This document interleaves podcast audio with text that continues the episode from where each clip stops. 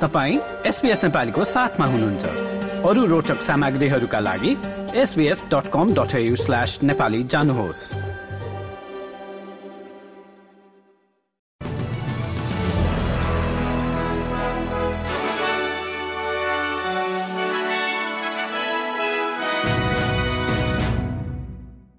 नमस्कार। आज सोमबार उन्तिस जनवरी सन् दुई हजार चौबिस। अब पालो भएको छ एसबीएस नेपालीमा। आजका प्रमुख अस्ट्रेलियन समाचारहरू सुन्ने र प्रसंग शुरू गरौं सिडनीमा भएका नियो नाजी प्रदर्शनीबाट। अस्ट्रेलियामा नाजी आदर्शका समर्थक अर्थात नियो नाजीहरूका लागि ठाउँ नभएको संघीय ट्रेजरर जिम चामजले बताएका छन्। पछिल्ला तीन दिनमा सिडनीमा भएका प्रदर्शनीहरूको आलोचना गर्दै आफ्नो सरकारले आवश्यकता परेमा राज्यमा नाजी सलामलाई पूर्ण रूपमा प्रतिबन्ध लगाउन सक्ने ट्रेजरर चामजले बताएका हुन्। चाइल्ड केयरको शुल्क र पहुँचलाई सुधार्नका लागि अझ धेरै काम गरिनुपर्ने Australian Competition and Consumer Commission A triple सीले जनाएको छ।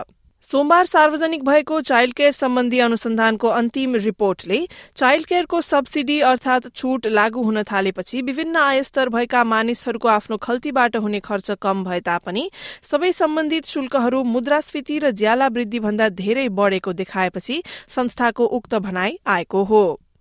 उता क्वीन्सल्याण्डका बासिन्दाहरूलाई आउँदा दिनमा राज्यभर गम्भीर मौसमी अवस्थाको सामना गर्न तयार रहन बताइएको छ। आँधीबेरी र भारी वर्षा आउने बताउँदै ब्यूरो अफ मिटियोरोलोजीले चेतावनी जारी गरेको हो र राज्यको दक्षिण पश्चिमी भूभागमा भोलि पनि वर्षा जारी रहने सम्भावना रहेको छ। सरकारले आउँदो जुलाई महिनादेखि लागू हुने भनिएको नेगेटिभ गियरिङ योजनामा कुनै परिवर्तन नगर्ने संघीय ट्रेजरर जिम चामजले बताएका छन्। निम्न र मध्यम आय भएका मानिसहरूका लागि तेस्रो चरणको कर कटौतीमा संघीय सरकारले गत हप्ता गरेका परिवर्तनहरूपछि उनको उक्त भनाई आएको हो।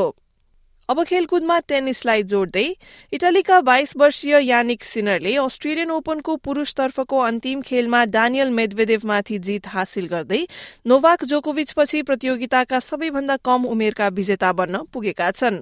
तीन घण्टा चौवालिस मिनटको लामो पाँच सेटको फाइनलपछि उनी आफ्नो देशबाट ग्राण्ड स्ल्याम जित्ने पनि सबैभन्दा कम उमेरका खेलाड़ी बन्न पुगेका हुन्।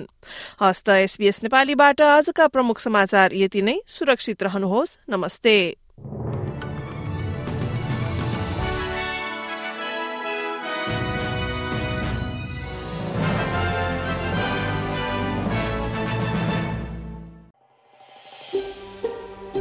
यो जस्तै अन्य प्रस्तुति सुन्न चाहनुहुन्छ?